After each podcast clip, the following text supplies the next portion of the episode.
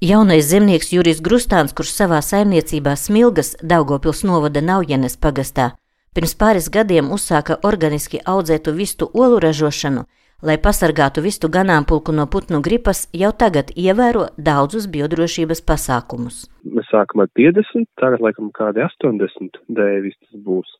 Vasaras periodā viņas uzturas ārā, uzbūvētā mobilā vistu kūtī, un ziemā mēs viņas pārsvarā turam iekštelpās. Darīsim pat kā pagājušajā gadā. Pagājušajā gadā mēs izlaidām laikam viņas tikai kādā 6. maijā, un tieši 6. maijā arī atcēla tos ierobežojumus. Man liekas, tad jau visi tie gaiputni bija atlidojuši. Nu, šogad arī centīsimies tā darīt. Kas cits jau neatliek.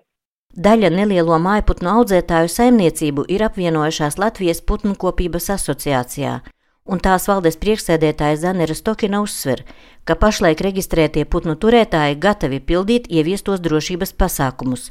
Tā tas bijis arī iepriekšējos gados.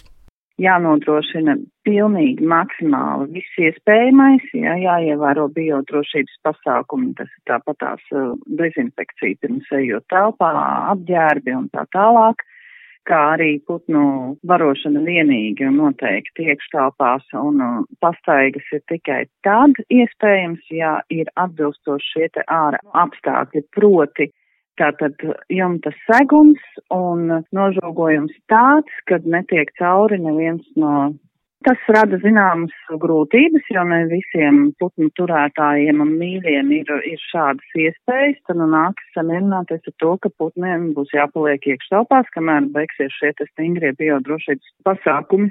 Ja maiputnu novietnē tiks apstiprināts putnu gripas uzliesmojums, lai novērstu slimības tālāku izplatīšanos, būs jālikvidē visi saimniecībā esošie putni, kā arī jānosaka riska zonas ap slimības skarto saimniecību. Olu un putnu gaļas ražotāju asociācijas izpildirektore Anna Ērliha uzsver, tādējādi putnu gripas uzliesmojums nelielā piemājas saimniecībā var būtiski ietekmēt tās tuvumā esošo lielo putnkopības uzņēmumu darbību. Ražotājiem, kas ir reģistrēti un tirgo savu produkciju patērētājiem, viņš pats ir ieinteresēts, lai šī biodrošība tiktu ievērota. Draudi iestājas tajā brīdī, ja netālu no novietnes ir kāda mazāka saimniecība, kura neievēro biodrošības noteikumus vai kura pat nav reģistrēta, un pie papildus tam visam neievēro biodrošības nosacījumus, un ja pie viņiem uh, tiks konstatēta šī putnu gripa, tad arī uzņēmumu attiecīgi 310 km rādījusā saskarsies ar, ar dažādām problēmām.